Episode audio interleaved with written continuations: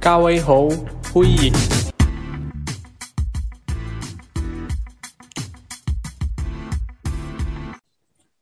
Halo Sobat Permit, kembali lagi di podcast Fresh from the Ban by Permit Shanghai bersama saya Angel, host pada kesempatan kali ini.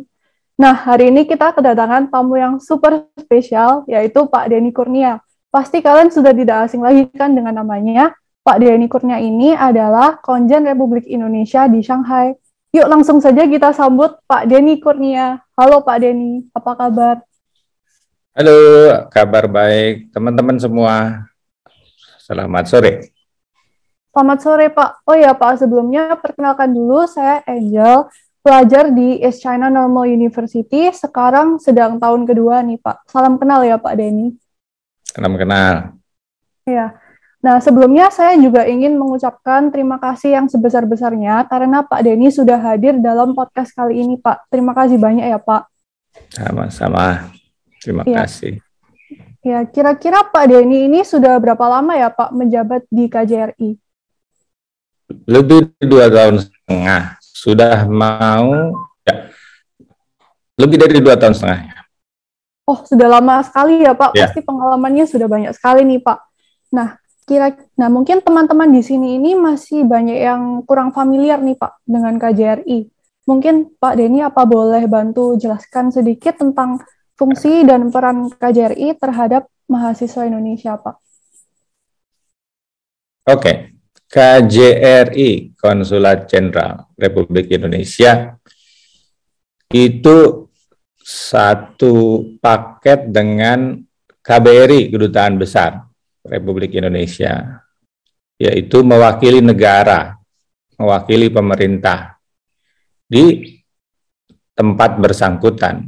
Kalau kedutaan mewakili negara untuk keseluruhan negara di tempat tersebut ya, Tiongkok, KBRI. Eh, isu yang dicakup semua isu yang menyangkut kepentingan nasional.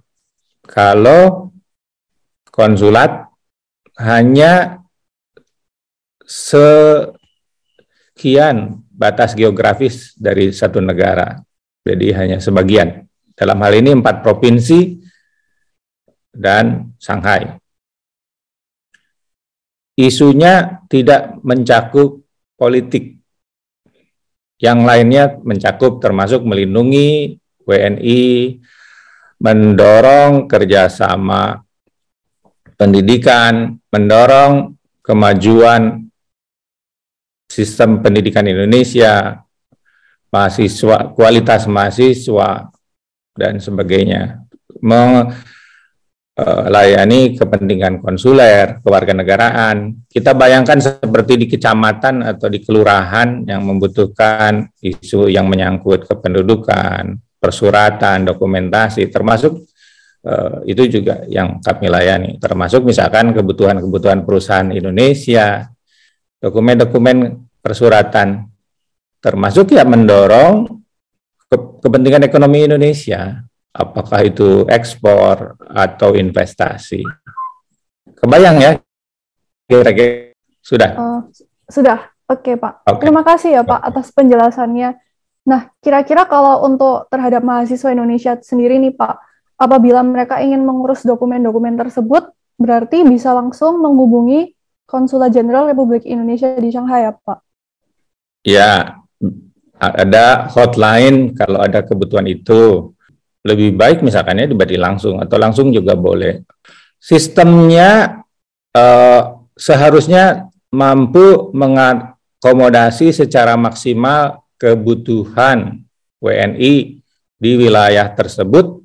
Jika belum memuaskan, ya pelan-pelan nanti kalau kita ngobrol sampaikan aja karena eh, kepentingan dari kita kepentingan kami sebagai pelayan masyarakat untuk memperbaikinya ya ke saya langsung juga boleh lah karena kan kami kadang tidak tahu apa kekurangan kami ya kalau ada yang kurang-kurang sampaikan aja Nah, berarti Pak Denny sekarang sedang berdomisili di Shanghai ya Pak, benar? Ya. Nah, ini saya dengar-dengar dari berita serta teman-teman saya yang di Shanghai ini kondisi di Shanghai ini sedang uh, parah-parahnya ya Pak terkait dengan COVID-nya. Apakah benar Pak? Ya, parah dalam arti convenience ya, freedom, convenience itu sekarang sedang diuji kesabaran kita. Karena lockdown itu pembatasan itu menyebabkan freedom dan confidence kita jauh berkurang. Mengapa begitu? Nah, ini kita berhadapan satu oh, dengan satu kepentingan yang sangat besar dari pemerintah China. Pemerintah Tiongkok itu menganut asas zero tolerance terhadap COVID. Jika ada COVID case, maka mereka harus mengadresnya sampai hilang. Maka kemudian kebijakan mereka menyangkut pembatasan movement of persons itu demikian rigorous, demikian uh, ketat. Nah, kebijakan seperti ini kan tidak lagi dijumpai di negara lain. Maka kemudian akhirnya hasilnya ya convenience dan freedom rakyatnya kita di sini, kami di sini itu demikian terdampak. Itu. Begitu ya Pak. Jadi tidak ada orang yang diperbolehkan keluar ya Pak. Apakah sedang lockdown semua areanya Pak di Shanghai? Pada masa lockdown itu yang paling ketat ya jadi di wilayah Putong, wilayah timur Sungai Huangpu, kan 28 Maret sampai 1 April. Lalu wilayah Pusi di baratnya Sungai Huangpu dari tanggal 1 sampai 5. Pada saat itu yang paling ketat karena eh, secara resmi karena eh, tidak tidak boleh ada keluar dari rumah masing-masing kecuali mungkin yang memang memiliki izin para pekerja misalkan pekerja para, para, para pekerja darurat ya di kondisi darurat itu mungkin masih bisa keluar. Nah, eh, setelah itu kan tidak ada pengumuman resmi apakah lockdown itu secara resmi extend atau diperpanjang atau enggak. Faktanya memang diperpanjang sampai sekarang kan ketika diumumkan eh, tiga kategori yaitu kategori precautionary, dari kawasan waspada, yaitu kawasan di mana penduduk sudah boleh keluar dari kompleksnya, tetapi masih di dalam distriknya, itu kan diterapkan kepada eh, kawasan yang dalam 14 hari terakhir saat itu tidak ada kasus COVID. Lalu di bawahnya yang lebih ketat kawasan terkontrol kan, eh, di mana tidak ada kasus COVID tujuh hari sebelumnya. Ya. Itu menyangkut mungkin setengah dari jumlah penduduk Shanghai. Setengahnya lagi masih berada di kawasan lockdown yang tidak boleh keluar rumah. Jadi masih sangat terdampak. Oh begitu ya Pak. Oh terima kasih Pak atas penjelasannya. Lalu bagaimana nih Pak dengan teman-teman kita yaitu mahasiswa Indonesia yang sedang belajar di Shanghai nih Pak? Situasinya bagaimana? Apakah sandang pangan dan kebutuhan lainnya bagi mereka itu tercukupi Pak? Satu, ya kan mahasiswa termasuk semua penduduk yang lain ikut menanggung akibat dari berkurangnya convenience dan uh, freedom karena kebijakan penanganan COVID dari pemerintah Shanghai. Jadi ikut sama-sama. Hanya ya memang habitat atau ruang bermain mahasiswa mudah-mudahan lumayan memadai lah karena kan biasanya mahasiswa banyak beraktivitas di asrama. Jadi dengan keterbatasan itu mudah-mudahan tidak terlalu banyak mengurangi Eh, belajar ya eh, kapasitasnya untuk belajar. Tentu mengurangi tetapi mudah-mudahan tidak terlalu banyak.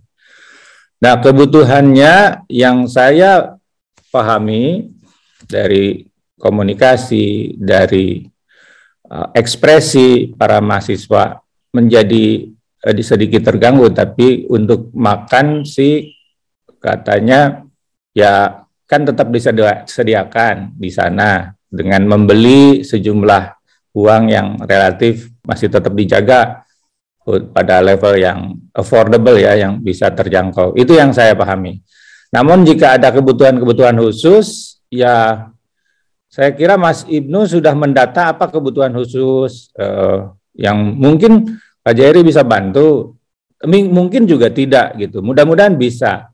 Kalau makanan kan tadi masih bisa tercover kelihatannya, tapi yang hal-hal yang unusual yang di luar makanan, alat pembersih atau obat, eh, apa layanan kesehatan, ya mungkin itu yang perlu eh, pendalaman ya kebutuhannya seperti apa lalu kemudian uh, apa yang bisa kami bantu atau kami fasilitasi untuk dibantu oleh yang lain ya otoritas setempat apa otoritas kampus dan sebagainya.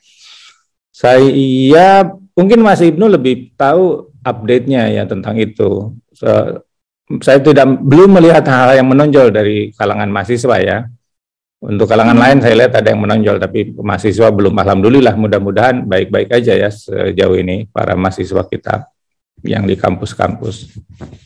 Lalu berarti sudah dipastikan semua kebutuhan mahasiswa aman ya Pak? Lalu kan e, berarti di Shanghai ini hanya sedikit saja ya mahasiswanya yang sudah bisa kembali ke Shanghai ini Pak dari Indonesia? Iya, uh, sangat memprihatinkan buat saya karena uh, apa namanya kalau kita mau ngambil posisi maksimal kan mahasiswa kita ya sebaiknya tinggal di Shanghai ya supaya juga bisa melihat ritme keseharian apa denyut nadi Shanghai ya, sehingga lebih lengkap gitu ya uh, proses hmm, benar sekali Pak. bela belajarnya. Hanya ya kondisinya seperti ini. Kita pada level pimpinan Presiden Joko Widodo kan sudah juga menyampaikan permasalahan ini ke uh, Presiden Tiongkok. Yang selalu berharap agar segera di, tem, didapatkan solusinya untuk mahasiswa bisa segera diberi pintu masuk ke Tiongkok. Iya, kita lihat. Hmm. Nah, mengenai hal itu nih Pak, saya dengar-dengar dari teman-teman saya yang berkuliah di Shanghai, beberapa dari mereka itu sudah mendapatkan pengajuan visa dari universitasnya masing-masing. Dan memang beberapa sudah ada yang mengajukan visanya dan tinggal menunggu waktu untuk kembali ke Shanghai nih Pak. Apakah benar ya hal ini? Nah, saya belum dapat update tentang hal itu. Ada nggak dari teman kita yang bisa mengkonfirmasi itu? Jika di, ada yang bisa mengkonfirmasi, berarti ini satu kemajuan besar. Ketika mahasiswa kita sudah dibolehkan atau diminta untuk mengajukan visa, berarti kan masa dimulainya kembali masuknya mahasiswa Indonesia ke Tiongkok itu akan segera dimulai. Ada yang bisa konfirmasi nggak? Uh, kalau saya dengar dari teman saya sih memang sudah ada ya Pak kejadian seperti ah. ini bahwa saya bahwasanya sudah dapat mengajukan visa dan memang visanya itu sudah terurus deh Pak. Kesan hmm. saya jika itu terjadi ya, ya berarti mengajukan visa kan akan bisa. Nah, visanya kapan itu yang belum tetapi harusnya kalau sudah boleh mengajukan visa kan berarti sudah dekat masa Tiongkok mengizinkan mahasiswa kita masuk kembali ke Tiongkok. Sudah dekat masanya, makanya di, uh, kalau, kalau sudah boleh ya mengajukan visa. Mudah-mudahanlah itu. Lalu berikutnya yang harus dipikirkan berarti penerbangannya. Ah, benar penerbangan, sekali Pak, benar. Iya. Obrolan-obrolan sejauh ini mahal ya, dan harus masih harus direct flight oh, lewat Kong juga belum bisa untuk mahasiswa. Harus direct flight ya, yang berarti mahal. Nah, itu juga mungkin harus menjadi bagian dari yang, yang dipikirkan. Yang dipikirkan.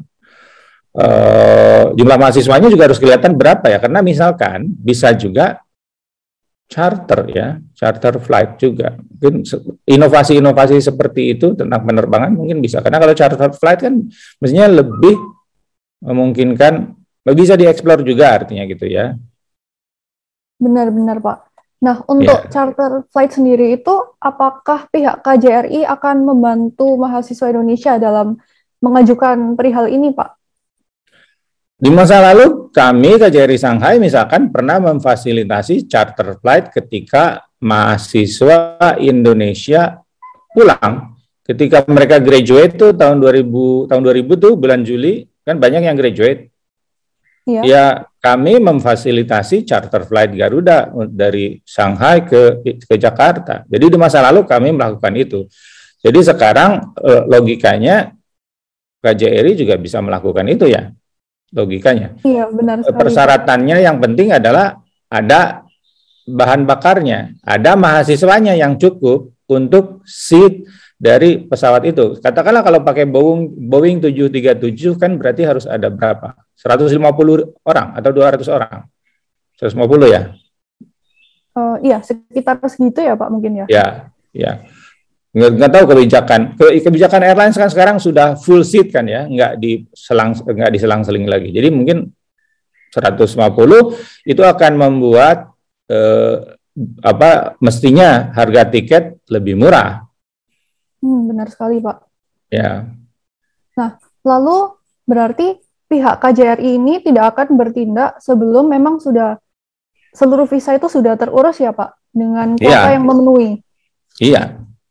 Hmm. Seharusnya itu sebagai prasyaratnya ya, karena kalau tanpa itu kan kemudian tidak firm ketika ingin mencarter pesawat. Hmm, berarti kalau semisal kita sudah dapat visa nih, lalu kuotanya sudah terpenuhi. Lalu kita harus berkumpul di satu titik ya Pak, seperti satu kota saja yaitu Jakarta atau bisa dari banyak kota Pak? Saya kira harus berkumpul karena kan pesawatnya satu. Untuk mengumpulkan oh. orang seratus sekian orang itu ya di harus satu pesawat kan. Pesawatnya kan terbang dari satu tempat, jadi harus berkumpul di satu titik. Oh begitu ya Pak. Lalu apakah akan dijadikan beberapa flight ya Pak? Karena mungkin pelajar yang di Tiongkok ini jumlahnya sangat banyak sekali nih Pak. Ya tentu akan disesuaikan dengan jumlah. Kalau jumlahnya misalkan dalam katakanlah eh, jumlahnya cukup untuk tiga pesawat, empat pesawat, lalu kemudian pesawatnya bisa terbang dari kota yang berbeda, ya boleh aja sepanjang quorum memenuhi. Jadi jumlah orang yang akan terbang itu memenuhi untuk satu pesawat bisa juga beda kota kan dalam keadaan seperti itu. Ya. Benar-benar. Nah lalu ya. nih Pak, semisal charter pesawatnya sudah berjalan dengan lancar, lalu mahasiswa Indonesia tiba di Cina, kira-kira apakah mereka tetap harus melalui proses karantina, Pak? Jika iya, prosesnya gimana ya Pak kira-kira? Kalau melihat dari apa yang dilakukan saat ini, tentu tidak ada pengecualian. Semua orang harus subjek terhadap eh, karantina ya, 14 hari plus 7. Tadi saya lupa tuh, ketika charter flight kan bukan hanya mahasiswa, bisa juga yang lain-lain. WNI yang akan terbang ke China iya. atau warga Tiongkok yang akan ke China kan bisa juga ikut join dalam satu charter flight itu. Nah, oh, itu balik lagi ke soal karantina ya karantina itu ya kalau sepanjang Tiongkok menerapkan aturan karantina 14 plus 7 ya dilalui mau nggak mau harus dilalui. Oh begitu ya Pak. Tapi kira-kira sekarang apabila uh, nanti kondisi di Shanghai itu membaik, kira-kira visa apa saja Pak yang bisa diajukan selain pelajar memangnya Pak? visa masih tetap sama kan hampir seluruh dunia ya.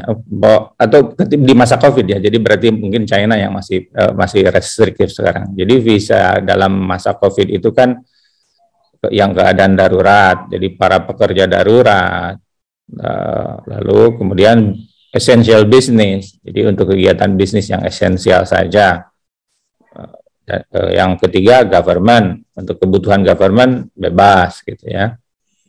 Yang keempat eh, sekarang kalau memang masuk baru adalah kategori mahasiswa. Itu aja. Wisatawan belum ke Tiongkok. Oh, jadi si wisatawan, ya? family reunion masih bisa. Oh, berarti apabila memiliki keluarga di, di sana bisa kembali ya, Pak? Iya. Family reunion uh, apalagi ya? Apakah yang punya residence residence di sini uh, hak residence ya? Hmm, enggak itu agak agak kabur ya, belum tak belum hmm. tahu. Tapi kalau yang punya pasangan di sini, istri atau suami masih bisa. Oh, gitu ya Pak. Nah, ya. kembali lagi ke topik karantina nih Pak. Kira-kira karantina tadi Bapak sebutkan harus tuh 20-an hari begitu ya Pak totalnya? Ya, minimal. Minimal. Bisa lebih, ya. Tergantung dari kebijakan pemerintah setempat saat itu Apalagi kalau pada saat itu di tempat tersebut ada kasus ada kasus merebaknya COVID bisa lebih lama lagi. Oh begitu. Nah untuk biayanya sendiri tuh berkisar di harga berapa ya Pak kalau boleh tahu? Ya sekarang ini kan sedang menjadi buah bibir sudah berlangsung lama.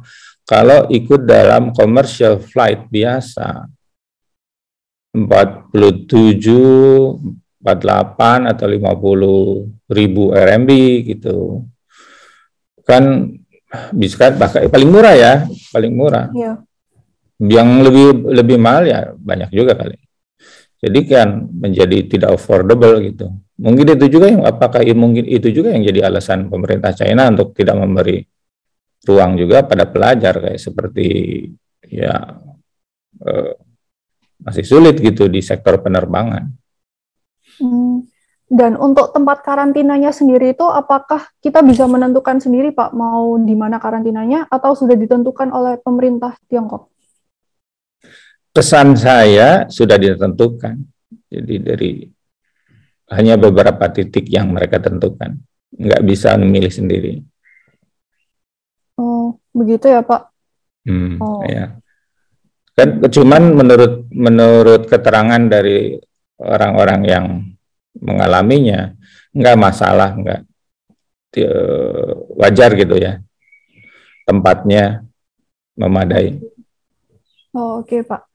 Nah lalu kalau tadi saya bertanya tentang bagaimana cara mahasiswa Indonesia kembali ke Shanghai dan sekarang saya ingin bertanya apakah bisa Pak sekarang untuk warga negara Indonesia maupun mahasiswa Indonesia yang di Shanghai, apabila memang ada keperluan untuk pergi ke Indonesia, apakah bisa kembali, Pak?